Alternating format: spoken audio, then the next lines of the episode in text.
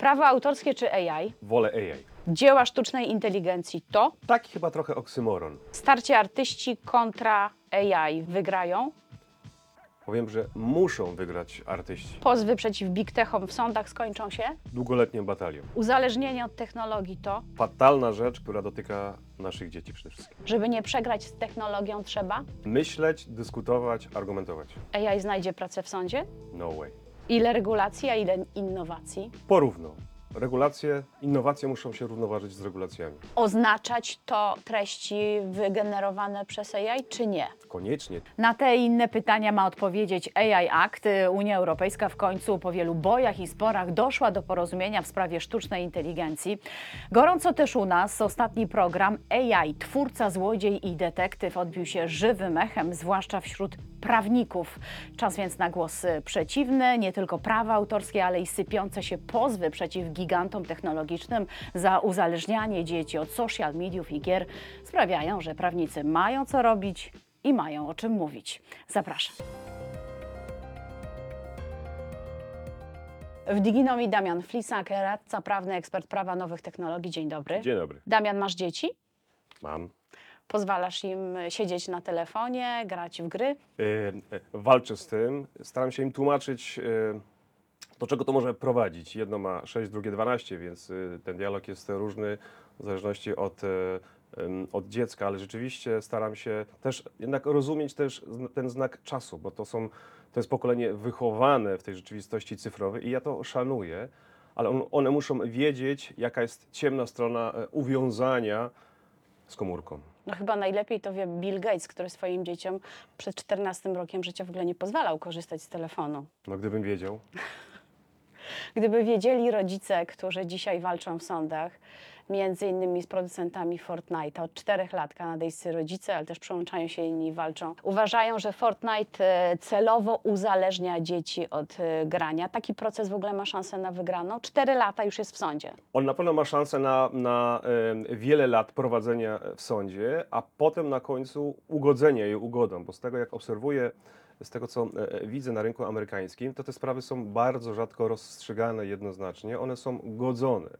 Czy z reguły te big techy płacą pewne odszkodowania, pewne kwoty tytułem za, e, zakończenia sporu, a w sumie szkoda, bo myślę, że chcielibyśmy wszyscy wiedzieć, jakie jest stanowisko e, amerykańskiego orzecznictwa e, urzędów w tych czy innych sprawach, bo jeżeli sprawa jest ugodzona, poniekąd zamieciona pod dywan. Na wokandzie są nie tylko producenci gier. Ponad 40 stanów amerykańskich oskarża Metę o celowe uzależnianie dzieci od social mediów. I tutaj też pytanie, czy to ma w ogóle szansę powodzenia? Czy to w ogóle może cokolwiek zmienić? Bo przecież wiemy też, że Meta ma badania, miała badania, jak mechanizmy, które są na Facebooku, działają na, jak w jaki sposób e, działają na młodych ludzi, jak powodują pewne mechanizmy, wyrzut, wyrzut dopaminy. Nie wzięła tego pod uwagę. Jasne. Co z tymi procesami? Mnie się wydaje, że musimy tutaj łączyć, łączyć kropki. Tego rodzaju em, firmy jak Big Techy to są e, spółki, spółki prawa handlowego amerykańskiego. One są, mają jeden cel. E, Nim jest e, zarabianie pieniędzy i rzeczywiście one będą ten cel bezwzględnie dążyć do jego e, osiągnięcia. I to musimy mieć zawsze w tyle, w tyle głowy. Oczywiście, że te wszystkie programy, te platformy, e, e, gry komputerowe, one w coraz większym stopniu badają na mechanizmach psychologicznych rządzących zachowaniami e, naszymi, czy też naszych, naszych dzieci. Spójrz na przykład, głównym zarzutem, zdaje się, czy jednym z głównych zarzutów podniesionych przez e, Stany w, tych, w, tym, w tym sporze jest, jest e, takie sko- skonstruowanie tych przeglądarek na zasadzie infinitive scroll, czyli ty nie masz, nie masz e, kontentu podzielonego na strony, bo przejście z jednej strony na, na drugą to już jest wysiłek, tylko ty możesz scrollować ten content do dołu właściwie bez, bez końca. I to jest strasznie uzależniające. Ja wiem to po sobie, że jeżeli czasami mi się bardzo rzadko zdarza, kiedy mam jakiś fajny filmik, po czym po jego obejrzeniu scrolluję, scrolluję, scrolluję i właściwie łapię się na tym, że mógłbym robić e, bez końca. I to jest właśnie ten in, infinite scroll. I to jest jeden z, z podstawowych mechanizmów wciągania, zlepiania, sklejania użytkownika z contentem. Dlaczego? Bo im dłużej e, dos- postrzegasz, percypujesz, konsumujesz ten content, tym większą wartość ma na przykład dana strona pod względem e, e, reklamowym. To są bardzo proste mechanizmy. To co zrobić? To jest też wywieranie nacisku na te big techy, bo, bo na zasadzie kropla drąży skałę. Przecież te procesy, o których ty mówisz, to nie, jest, to nie są tylko, to, to nie, te procesy nie toczą się tylko wyłącznie w tej materii. Te big techy są właściwie atakowane przez e, czy to Komisję Europejską, czy też pewne organy amerykańskie z wszystkich stron. Te kary się sypią. One idą w, mil, w miliony, często e, w miliardy. Dzięki tym, i to nie chodzi o e, konkretnie zapłacone pieniądze, ale dzięki takiej interwencji rynku, rynek też pokazuje tym e, omnipotentnym organizacjom, big techom, no way, no pasaran. Są pewne czerwone e, granice, są pewne rubikony, poza które nie możecie przekraczać.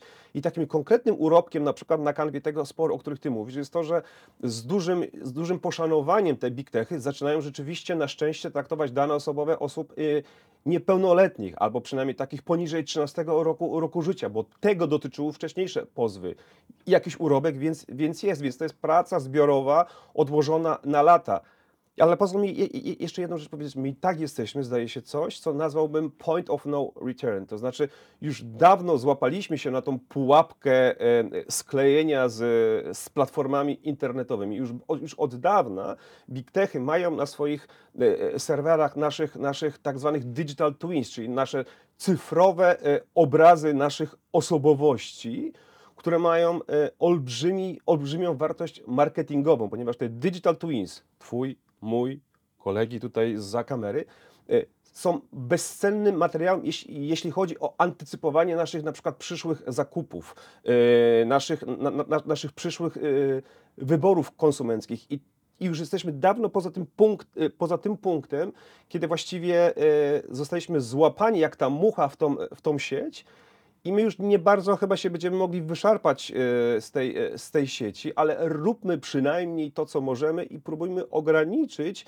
no, ten e, niekorzystny impact na obszarach, na których możemy. I mówisz to jako prawnik. Tak. Gdzie tu jest prawo? Żeby prawo coś uregulowało, my prawnicy musimy najpierw rozpoznać pewien fenomen, musimy rozpoznać pewną technologię, jej minusy i plusy. Potem musimy to ładnie spisać, przekonać prawodawcę i wrzucić to na ścieżkę legislacyjną, a sama wiesz, jaka jest inercja organów e, legislacyjnych, więc... a po- Choćby w Unii Europejskiej. A ja jak procedowano od, dwa, la- od dwóch lat. Ale ja ci powiem, Agnieszka, że posługując się s- słowem mego syna, to jest gi- i tak giga szybko.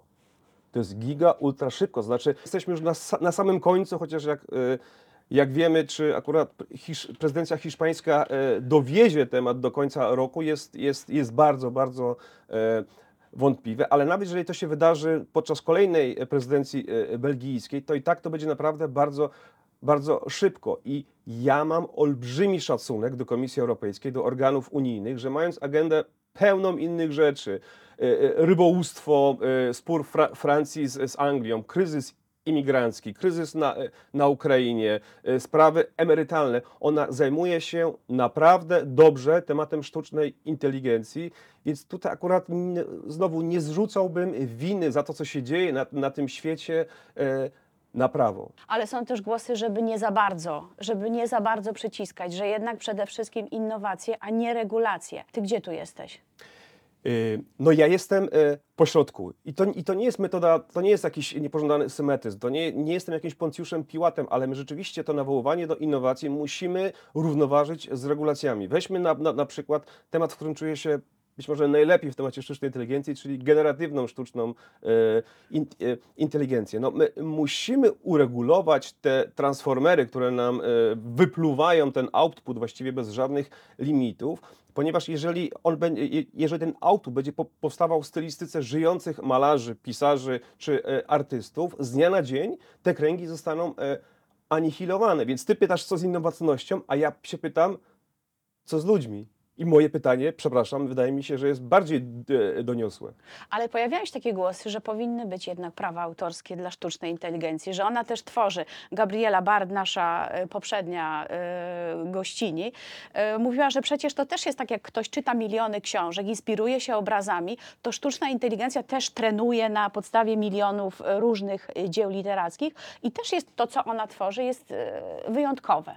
Co ty na to? No więc ja na to, że to jest klasyczny jakiś taki zabieg, znaczy, że to jest argumentacja, która sprowadza nas na manowce. Serdecznie pozdrawiam y, Gabrielę, mam do niej bezbrzeżny y, y, szacunek, natomiast fundamentalnie się nie zgadzam. Słyszałem waszą, waszą rozmowę z tym, że istnieje jakakolwiek potrzeba objęcia ochroną a już nie daj Bóg prawną autorską tego outputu AI-owego. Zauważ, że prawo autorskie po co zostało stworzone? Ono, prawo autorskie zostało stworzone, żeby chronić pewne ekskluzywne dobro. Obraz, wiersz, e, filmy, ten cały anturaż naszej, naszej ludzkiej egzystencji, który wzbogaca nasze, nas jako, e, jako ludzi. A jeżeli ten AI, tak jak mówię, w ciągu ułamka sekundy jest w stanie, czy będzie w stanie, ale jest w stanie stworzyć właściwie pewne obrazy bez żadnych ograniczeń. Gdybyśmy mieli do każdego z tego obrazka wyplutego przez tego AI przywiązać kam kamyk pod tytułem prawo autorskie, ile kamyków pojawi się w naszej przestrzeni?